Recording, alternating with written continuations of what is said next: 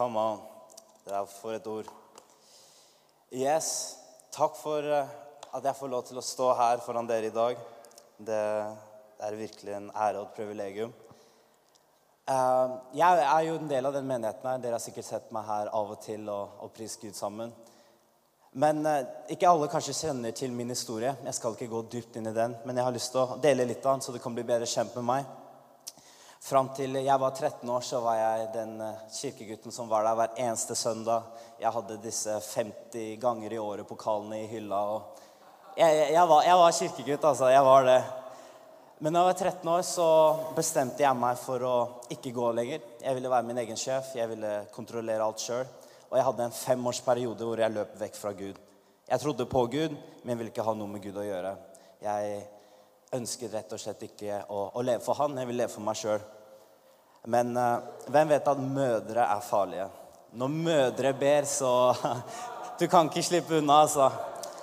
Min kjære mor, hun sitter der. Hun, hun ba for meg hver dag i fem år. Og i den femårsperioden så kan jeg se tilbake alle de kveldene hvor jeg visste at hun var og ba. Hvordan jeg unnslapp bråk, slåsskamper, politi. Så mange fæle ting som jeg kunne vært involvert i. Men rett og slett ved mors bønner så, eh, og Guds nåde så slapp jeg unna. Så jeg vil bare oppmuntre alle dere mødre og fedre som faktisk ber for sine barn, eller om du har familiemedlemmer, aldri gi opp. Jeg er et levende vitne på at Gud kan svare bønner. Han lever, han, han gjør det i dag også. Mm. Amen. Amen. Så jeg er så takknemlig at jeg får lov her nå til å stå her og, og vitne om det Gud har gjort i mitt liv, og, og det han gjør ute i verden her i dag. Det er så mye. Det er så fantastisk det Gud gjør i dag. Så takk for æren av å stå her. Kristi himmelfartsdag, dette er den dagen vi har fått lov til å få fri fra skole, jobb og alt det vi måtte stå i. Og dette er den dagen hvor Jesus han var på Oljeberget. Han var 40 dager og underviste sine disipler. Han la ut om Guds rike, om alt det som skulle skje. Og hvem vet, de siste 40 dagene før en eksamen eller prøve, de er ekstra fokusert, det er ekstra nøye, de tingene som blir fortalt. av. Det tror jeg det samme var når Jesus la ut om sitt rike de dagene der. Så jeg vil at du skal se for deg at du er en av de tolv disiplene. Du har fulgt Jesus i tre år. Du har vandret med ham. Du har sett ham multiplisere brød til tusenvis. Du har sett ham helbrede så mange. De døde har blitt reist opp. Til og med du har sett Jesus blitt korsfestet og så stått opp igjen. Og her står han og ligger ut. Og disse ordene er det han sier.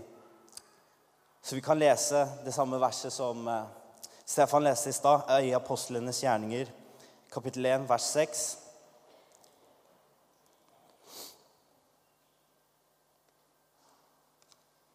Og her står det Mens de var sammen, spurte de ham, Herre, er tiden nå kommet da du vil gjenreise riket for Israel? Han snakker om Jesu andre gjenkomst. Han svarte, det er ikke dere gitt å kjenne tider og stunder som far har fastsatt av sin egen makt. Men dere skal få kraft når Den hellige ånd kommer over dere. Og dere skal være mine vitner i Jerusalem og hele Judea, i Samaria og helt til jordens ende. Da han hadde sagt dette, ble han løftet opp mens de så på, og en sky tok han bort foran øynene deres, som de nå stirret mot himmelen mens han dro bort. Sto med ett og to menn, hvite klær foran dem, og sa, Galerere, hvorfor står dere og ser mot himmelen? Denne Jesus som ble tatt bort fra dere, opp til himmelen, han skal komme hjem på samme måte som dere har sett ham fare opp til himmelen. Disiplenes fokus i det Jesus drev og, og, fortalte om dette her. Når er det du kommer igjen? Når er det du skal gjenoppreise Israels rike? De, de lengtet etter å være med Jesus. De hadde gått med han i tre år.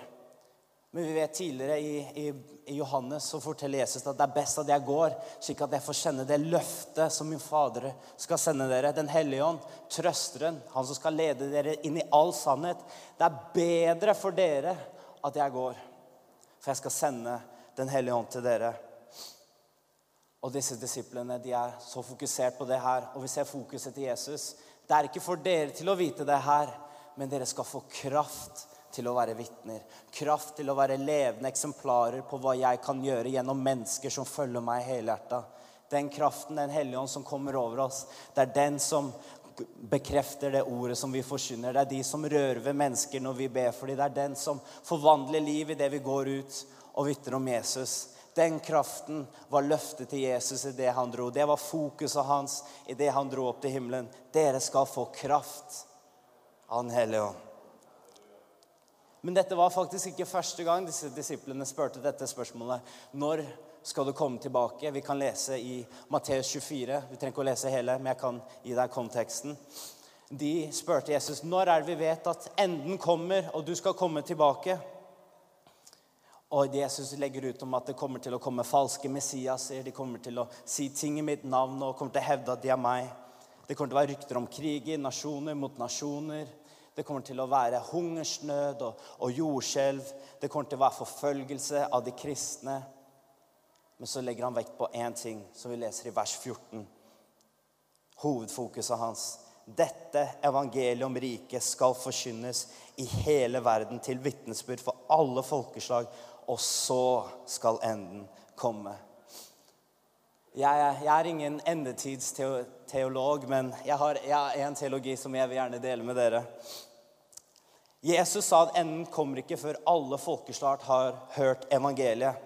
Så la oss ha et riktig fokus. La oss ikke bare bli så oppsummert og liksom overveldet av når er det han kommer. La oss heller fokusere på vår del, som han sa. Det skal få kraft. Evangeliet skal forkynnes. Alle folkeslag skal få høre dette. Det er vår del, som vi kan bidra i, dette, i denne tiden som vi står nå i. La oss ikke bli oppslukt av endetiden. La oss ikke leve i frykt av antikrist og alle disse tingene som han snakker om i åpenbaringsboken. Åpenbaringsboken er ikke en bok om Antikristus. Det er en bok om seier, om et bryllup hvor vi får lov til å ta del i. Det er en fantastisk tid. Det snakker om en endetidsvekkelse som kommer til å være så mye større enn det det var i starten i apostelens gjerninger. Og vi får lov til å ta del i det her. Come on! La oss være så fokusert på det Jesus vil at vi skal gjøre. La oss bli fylt med Guds ånd og virkelig handle på det. Det han har sagt at vi skal gjøre. La oss leve i fullheten av det Gud har for oss i dag. La oss lengte etter håpet om man kommer, men la oss leve helhjerta nå. I dag. I dag er frelsens dag. Halleluja. Kan jeg få lov til å være litt ærlig i kirka her i dag? Kan jeg få lov til å være litt ekte med dere? Når vi som troende går ut og forkynner evangeliet og, og, lever det livet som vi er kalt til, til å være brennende vitner Det aller viktigste i det vi gjør, alt det her, er nemlig vår personlige relasjon med Gud. Den nummer én tingen som jeg har sett og hørt, som har fått misjonærer, predikanter, folk som liksom virkelig går hardt i Guds rike, til å falle bort, det er at de går bort fra den kjærligheten som de hadde på starten, den iveren de hadde personlig én til med Gud. Før eller senere ble de mer oppslukt på selve oppdraget enn det å kjenne Han sjøl. Plutselig det evangeliet som vi så frimodig forkynner, er det faktisk det evangeliet vi trenger sjøl. Å vite at han faktisk elsker meg, at han faktisk døde for meg. Jeg vet at dette her ikke er noe nytt konsept, men det er en realitet som vi må leve i hver eneste dag. Det trenger ikke å være tomme ord som vi plutselig har blitt immune mot. Jeg har vokst opp i, i menigheten. Jeg, jeg, hørte 'Gud elsker deg', 'Jesus er glad i deg'. Jeg hørte alle dette her så ofte at var, jeg var rett og slett blitt immun mot dette her. Jeg tror ofte som troende som går i menigheten, som gjør mye ting for Herren, at vi nesten kan bli litt immune mot det sjøl. Hvis jeg skal være helt ærlig. Jeg har et eksempel. Jeg, jeg, gikk på skole og vokste opp en del i et område ved Jessheim og Kløfta. Og der har de en kebabbutikk som er helt fantastisk. Jeg vil si det er Norges beste kebab. Jeg kan fortelle deg utrolig mye om hvor god den kebaben der er. Og du har nå fått en kunnskap på at Jessheim har Norges beste kebab. Men det er noe helt annet hvis jeg tar deg med til Jessheim. Vi går inn til kebabsjappen, vi bestiller den kebaben, vi spiser den sammen. Da har du fått opplevd, du har fått kunnskapen opplevd om det jeg har fortalt om deg. Vi trenger å få oppleve den kjærligheten, den realiteten av Gud hver eneste dag. Vi kan høre mye om det, men vi trenger å få oppleve det. Bli fylt om det, bli forvandla hver eneste dag. Det er veldig enkelt. Hva var det de to budene som Jesus ga oss? Hæ? Her må lese. Det står i Matteus 22, 37-39. Og Det snakker om å elske Gud med hele ditt hjerte. Hvem vet at det er veldig fort gjort å gi hjertet sitt til litt av familien, til jobb, til skole, til venner, til de fortapte. Plutselig har vi fordelt hjertet vårt på så mange steder, og så prøver Gud å fylle oss opp, men så renner det ut av hjertet vårt. Det klarer ikke å, å ta vare på det. Vi trenger å elske Gud med hele vårt hjerte. Så overfloden av den kjærligheten som han fyller oss med, det kommer til å påvirke familie, det kommer til å påvirke venner, skole, jobb. Alt de områdene som vi ønsker å påvirke. For at Guds kjærlighet er overflod i våre hjerter. Det trenger å flyte over. Vi trenger ikke bare være fylt, vi trenger å være rennende over med Guds kjærlighet. Er det som forvandler nasjoner. Djevelen er ikke redde for folk som, hvor kjærligheten bare er, renner ut, men de som flyter over, de som har et sterkt relasjon med Jesus, de som elsker ham med hele sitt hjerte og lever i den sannheten. De som står opp om morgenen bare for å søke hans ansikt, ikke for å ha en agenda, men for å bli kjent med han. De er djevelen redd for. De skjelver han når de er ute og går. De som ikke tenker på omstendigheter eller følelser, men rett og slett wow, de er så fylt av Guds kjærlighet at det driver dem til handling. Vi trenger å la Guds kjærlighet drive oss til handling. Jeg har ofte vært i situasjoner hvor jeg har vært ute på gata og vi skal snakke med mennesker, så har jeg funnet meg sjøl i en situasjon hvor jeg står i hjørnet og sier 'Å, Gud, jeg er så redd, jeg er så nervøs. Hvorfor føler jeg sånn?' Men så tar jeg noen sekunder og jeg sier, 'Gud, vekk meg opp til realiteten av din kjærlighet for den personen.' La meg få kjenne det du kjenner for disse menneskene. Og plutselig blir jeg så overveldet og får kjenne Guds kjærlighet for den personen at jeg ikke tenker på hvordan kommer han til å svare meg, hva om han ler av meg, hvordan kommer han til å reagere, tenk om han blir skikkelig sint. Alle de tingene her de faller rett ned når jeg blir mer oppmerksom hvor mye Gud elsker den personen, enn det jeg føler. Amen. Amen. Paulus han ba en helt fantastisk bønn som jeg har lyst til å gå inn i dag. Du kan lese det i Efesebrevet, kapittel 3. Og vi kan starte fra vers 17. Han ba den bønnen her. Må Kristus ved troen bo i deres hjerter, og dere stå rotfestet og grunnfestet i kjærligheten. Må dere sammen med alle de hellige bli i stand til å fatte bredden og lengden, høyden og dybden, ja, kjenne Kristi kjærlighet som overgår all kunnskap må dere bli fylt av hele Guds fylde. Vi trenger ikke mer hodekunnskap om Guds kjærlighet. Vi trenger å få oppleve bredden, lengden, dybden. Vi trenger å få oppleve fullheten av hans kjærlighet hver dag. Når Paulus sier at 'jeg ber om at jeg skal få bli fylt med Guds fylde' og få kjenne den kjærligheten, så kan jeg ærlig si at det er så mye mer av Gud enn det vårt hode klarer å fatte. Den kjærligheten som overgår all kunnskap. Jeg kan stå her og si 'Jesus elsker deg'. Men når den sannheten treffer ditt hjerte og plutselig begynner å, å løsne hjertet ditt, alle de harde minnene, alle de vanskelige omstendighetene plutselig faller ned for Guds kjærlighet, bare forvandler deg fra innsiden ut. Det er den fylden, det er det Paulus snakker om. At når den, den kjærligheten får ta og grunnfeste og rotfeste deg, at ting begynner å skje. Du begynner å fatte Oi, den er så bred, den er så dyp, den er så høy, den er så vid. Den kjærligheten til Jesus den overgår all forstand. Vi trenger å leve der, folkens. Hver dag for å begynne å få gå inn i den dybden av den kjærligheten Jesus har for oss. Amen. Det er veldig fort gjort å bli mer fokusert på oppdraget enn å kjenne Han. Vi vet at vi er kalt til relasjon med Gud gjennom Jesus. Dette, dette er vårt nummer én kall til å, til å være i relasjon, til å ha det fellesskapet. Det er det aller viktigste. Og det er det beste når vi begynner å, å bli kjent med Gud alene in, i the secret place. Og vi er der, er med Gud timevis og bare blir bedre og bedre kjent med Han. Jeg vil dele et vitnesbyrd fra når jeg hadde nettopp kommet hjem fra USA. Vi flytta til et sted som heter Frogner. Og jeg, er fortsatt så utrolig sulten på Gud, men jeg hadde en sesong der hvor jeg var desperat. altså. Hvor det var vondt. Jeg, jeg, jeg, jeg kunne ikke Jeg, søkte alle YouTube-videoene du finner om vekkelse. Jeg leste alle bøkene, alle de fra 1600-tallet oppover. Jeg ville bare få tak på Guds nærvær, Guds kraft, Guds kjærlighet. Jeg ville at det skulle begynne å forvandle meg, slik at jeg kunne få se det forandre min hverdag.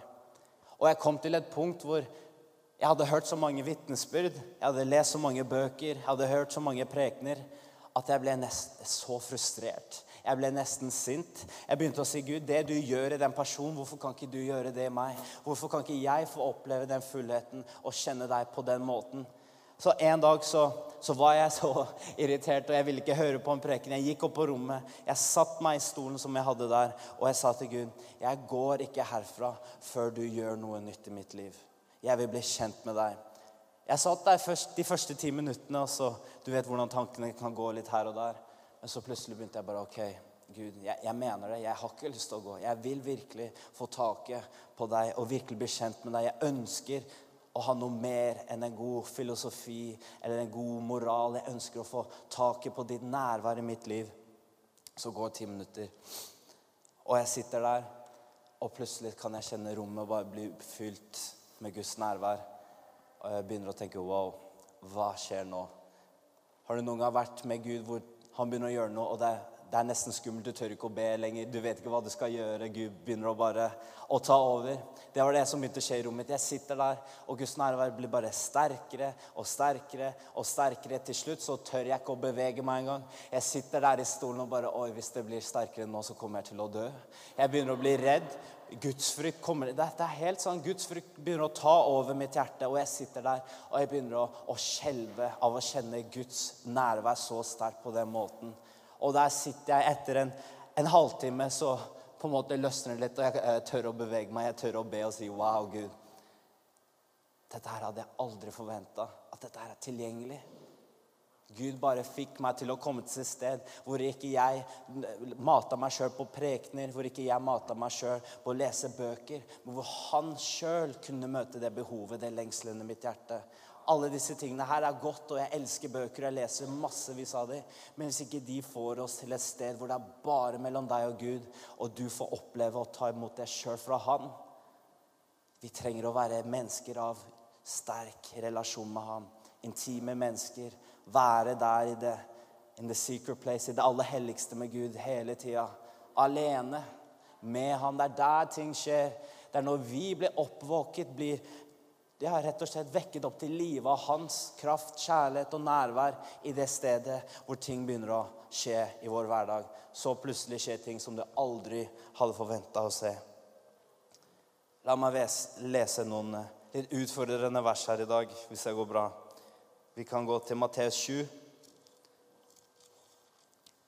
kapittel, eh, ja, kapittel 7, vers 21. Og her står det Ikke enhver som sier til meg, 'Herre, Herre', skal komme inn i himmelriket, men den som gjør min himmelske Fars vilje. Mange skal si til meg på den dagen, 'Herre, Herre, har ikke vi profetert ved ditt navn?' 'Drevet ut onde ånder ved ditt navn?' 'Og gjort mange legg merke til det, mange mektige gjerninger ved ditt navn.' 'Da skal jeg si dem rett ut.' 'Jeg har aldri kjent dere. Bort fra meg, dere som gjør urett.' Disse her Dette var folk som bekjente Jesus som Herre. De mest sannsynlig hadde også tjenester. Vi ser at de drev ut onde ånder. De gjorde mange mektige tegn under for Gud. Men det er to ting her jeg vil touche på, hvor det står 'Jeg kjente, jeg kjente dere aldri'. Det ordet 'kjent' er det samme ordet som Maria sier til engelen Gabriel om Josef. 'Jeg har ikke kjent Josef. Det snakker om en helt annet kjennskap, en relasjon, enn å bare være bevisst over den persons eksistens. Men Jesus sier, 'Jeg kjente dere aldri på en dyp, intim måte.' Den en mot en som bare finnes alene med han. De kjente ham aldri på den måten. Han snakker ikke om å bare vite at du eksisterer. Men han kjente deg ikke på den måten som du finner innenfor ekteskapet. Det er den relasjonen Gud leter etter Hva var fokuset til Jesus her? Det var ikke at de gjorde mange mektige gjerninger, men at de gjorde Guds Faders vilje, og at de kjente Han. Hvilke to bud er det vi har, folkens? Elske Gud med hele vårt hjerte, vår sjel og all vår forstand. Og så elske vår nabo som oss selv. Det er veldig enkelt. Kjenne Gud, elske mennesker. Gud er ikke komplisert, han er veldig enkelt. Men vi kan veldig ofte gjøre dette komplisert. Vi kan ofte lære hvordan vi skal påvirke samfunnet, hvordan vi skal være en influens i vår familie, i våre skoler, universiteter. alt det her. Vi kan lære alle disse gode, beste taktikkene på hvordan vi kan påvirke samfunnet. Men så glemmer vi det aller viktigste, det aller første, og faktisk bare bli bedre kjent med Han. Vi blir mer opptatt på oppdraget. Og jeg er så for oppdraget. Jeg brenner for det hver dag. Men hvis ikke jeg får hans kjærlighet som driver meg til å gå ut og gjøre det jeg gjør, så er det til ingen nytte. Vi kjenner til disse fantastiske ordene til Paulus i 1. Korinterbrevet 13, hvor han sier jeg kan ha all kunnskap, all profetisk innsikt, men hvis ikke jeg har kjærlighet, så har jeg ingenting.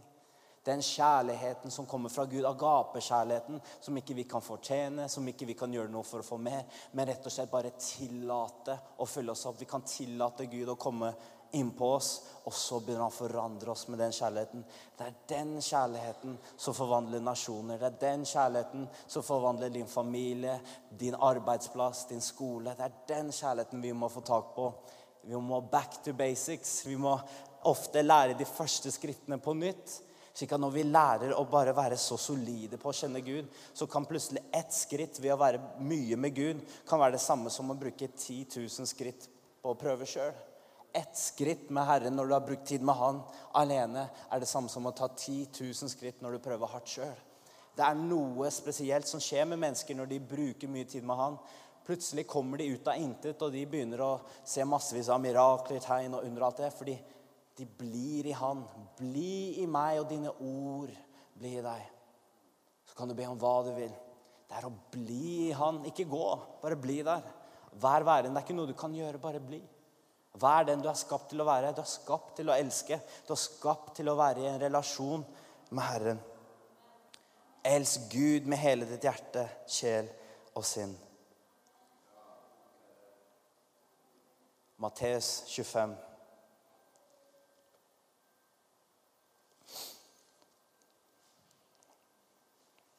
Dette er uh, lignelsen om brudepikene. Jeg tror vi leser den. Da kan himmelriket sammenlignes med ti brudepiker som tok oljelampene sine og gikk ut for å møte brudgommen. Bildet på disse oljelampene det Alle her har fått en tjeneste av Gud, om det er en givertjeneste eller om det er en offentlig. Hva enn det måtte være, så har alle fått en tjeneste, en nåde fra Gud til å gjøre noe for ham. Alle har en lampe i sitt liv. Og disse tok disse lampene ut og gikk for å møte brudgommen. Fem av dem var uforstandige, og fem var kloke. De uforstandige tok med seg lampene sine, men ikke olje. De kloke tok med seg kanner med olje sammen med lampene. Da, da det trakk ut før brudgommen kom, ble alle trette og sovnet. Med andre ord Jesus brukte litt tid på å komme. Han kom ikke med en gang som kanskje de hadde forventning til. Det har tatt litt tid. Det er her vi er nå. Han har ikke kommet ennå, men vi venter med iver på at han skal komme. Men hva er fokuset her?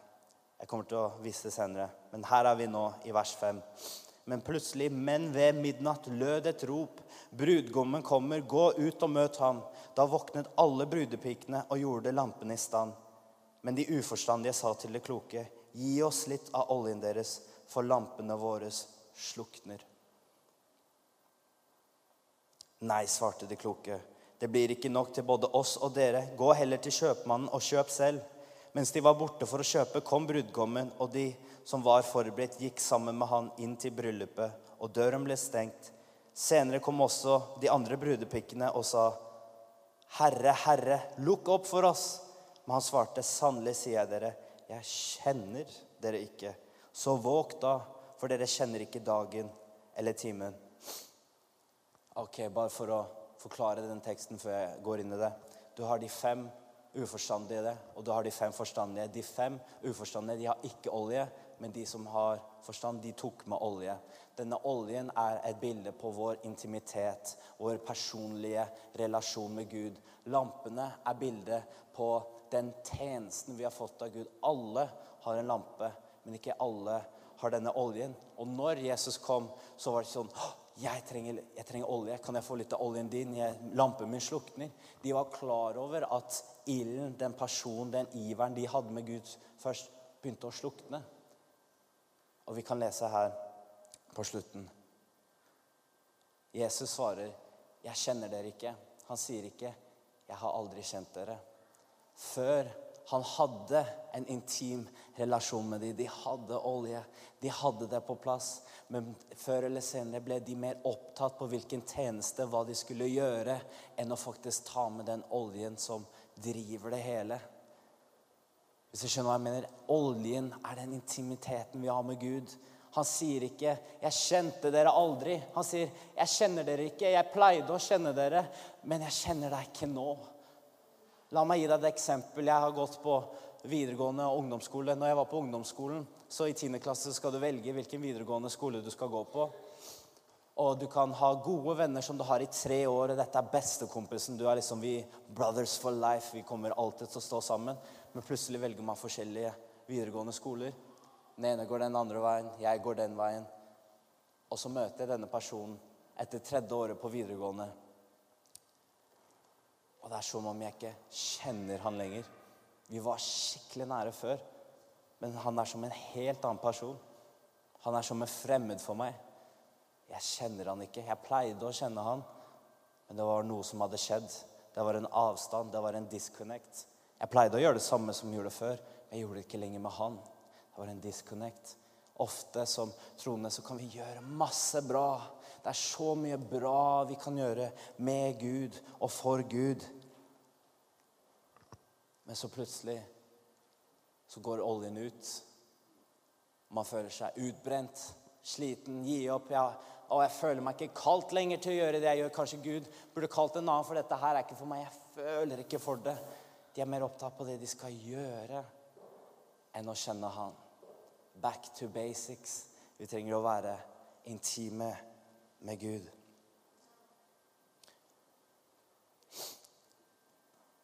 Johannes' åpenbaringen deler noen utfordrende ord til den første menigheten. Kan gå til kapittel to med meg.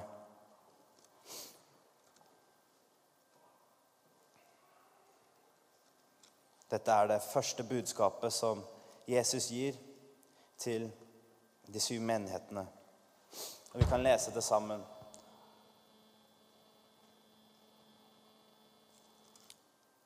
Er jeg som er treg her. Beklager det. Ok, Her er vi. Kapittel 2, vers 1, Johannes' åpenbaring. Skriv til engelen for menigheten i Efesus.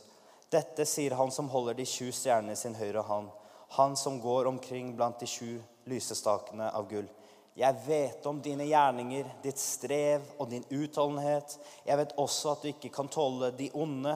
Du har prøvet den som kaller seg apostler, men ikke er det. Og du har funnet ut at de er løgnere. Du har holdt ut. Du har tålt mye for mitt navns skyld og ikke gått trett. Men dette har jeg imot deg. Du har forlatt din første kjærlighet. Tenk på hvor du sto før du falt. Vend om og gjør de gjerningene du gjorde før. Ellers så kommer jeg til deg og tar lysestakene bort hvis du ikke vender om. Denne menigheten, de gjorde alt riktig. Gud hadde ikke noe mot dem som 'Dette her må gjøre feil. Dere synder». Nei, han sa ikke det. Han sa dere har gode gjerninger. De strevde, de hadde utholdenhet. De tålte mye for Guds navns skyld. Dette er gode ting, ting som vi prøver å bli bedre på, ikke sant? De var imot ondskap. De klarte å skille rett fra galt, fra falsk lære til sann lære. De hadde teologien sin på plass. De tålte så mye for Guds skyld. Og den ene tingen som Jesus har imot dem, som han sier til dem Du har forlatt din første kjærlighet. Den første kjærligheten med Han den er borte. Vend deg om. Kom tilbake. Jeg savner deg. Gud er ikke ute etter hva du kan gjøre for ham, men at du kan kjenne ham, og det du kjenner ham, så kan du gjøre mer enn det om du prøver sjøl. Kan jeg love deg, Den beste måten å tjene Gud på, er å bare bli så godt kjent med Han at alt det du gjør, er en konsekvens av den kjærligheten Han øser ut på deg.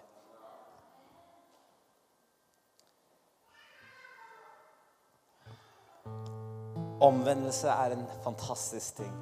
Det er ikke en ting som vi bare gjør én gang når vi blir frelst. Det er en livsstil. Dette skjer når vi snur vårt hjerte tilbake til Gud og kobler ut fra alt det som drar oss bort fra Han. Det er noe som skjer i hjertet hvor at vi bare jeg vet hva, Gud, jeg kobler meg på igjen. Jeg kobler meg på din kjærlighet. Jeg skal slutte å prøve sjøl. Jeg vil at du forvandler meg fra innsiden ut. At du tar over. At vi snur våre hjerter til Han.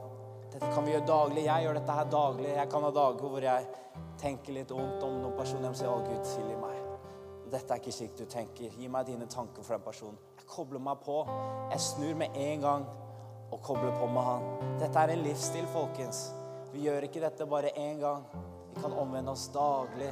Koble oss på Hans nåde, som styrker oss opp til å gjøre ting vi ikke klarer sjøl. Vi må bare koble oss på igjen.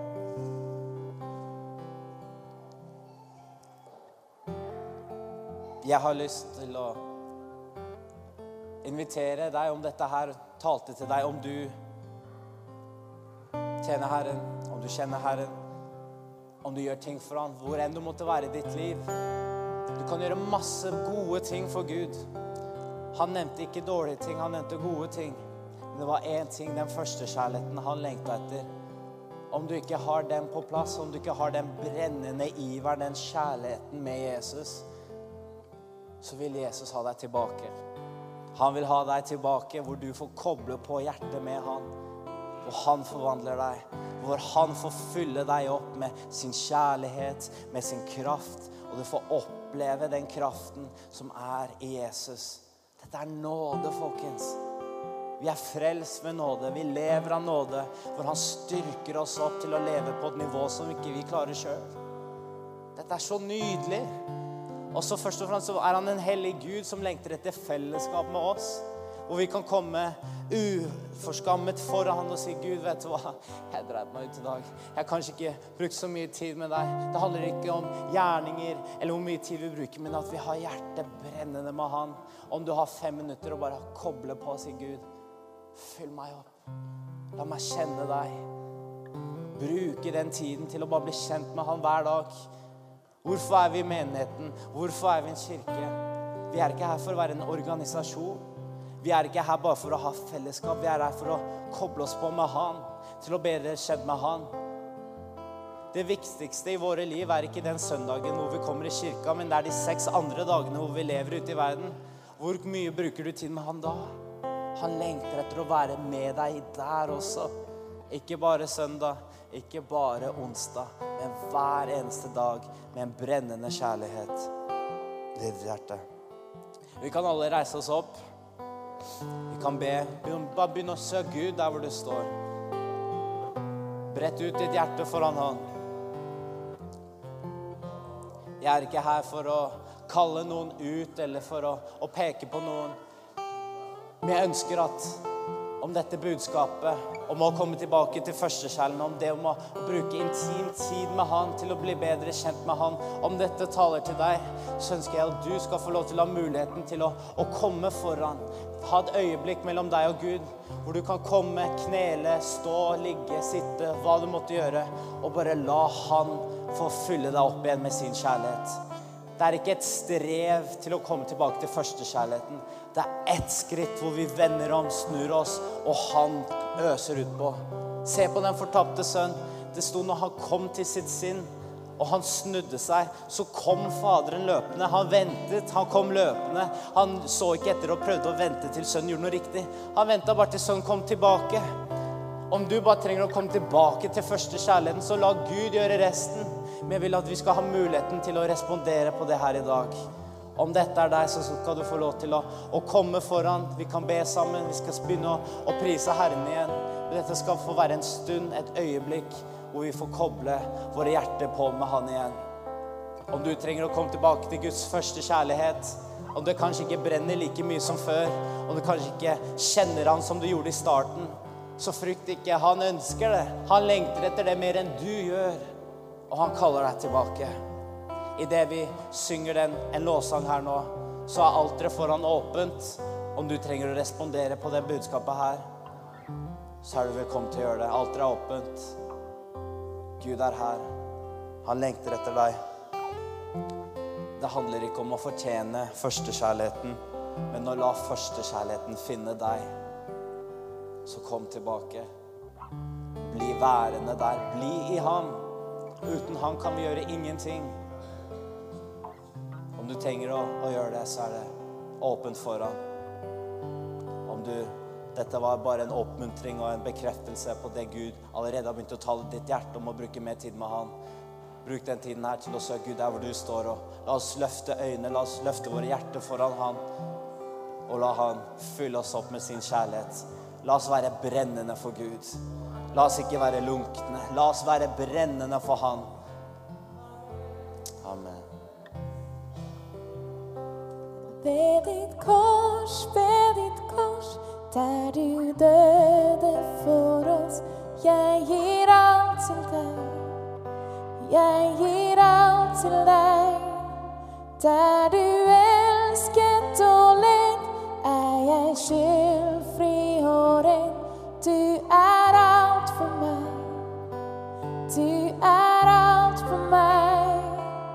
Ved ditt kors, ved ditt kors, der du døde for oss. Jeg gir alt til deg. Jeg gir alt til deg. Der du elsket og led, er jeg skyldfri og ren. Du er alt for meg. Du er alt for meg, Jesus.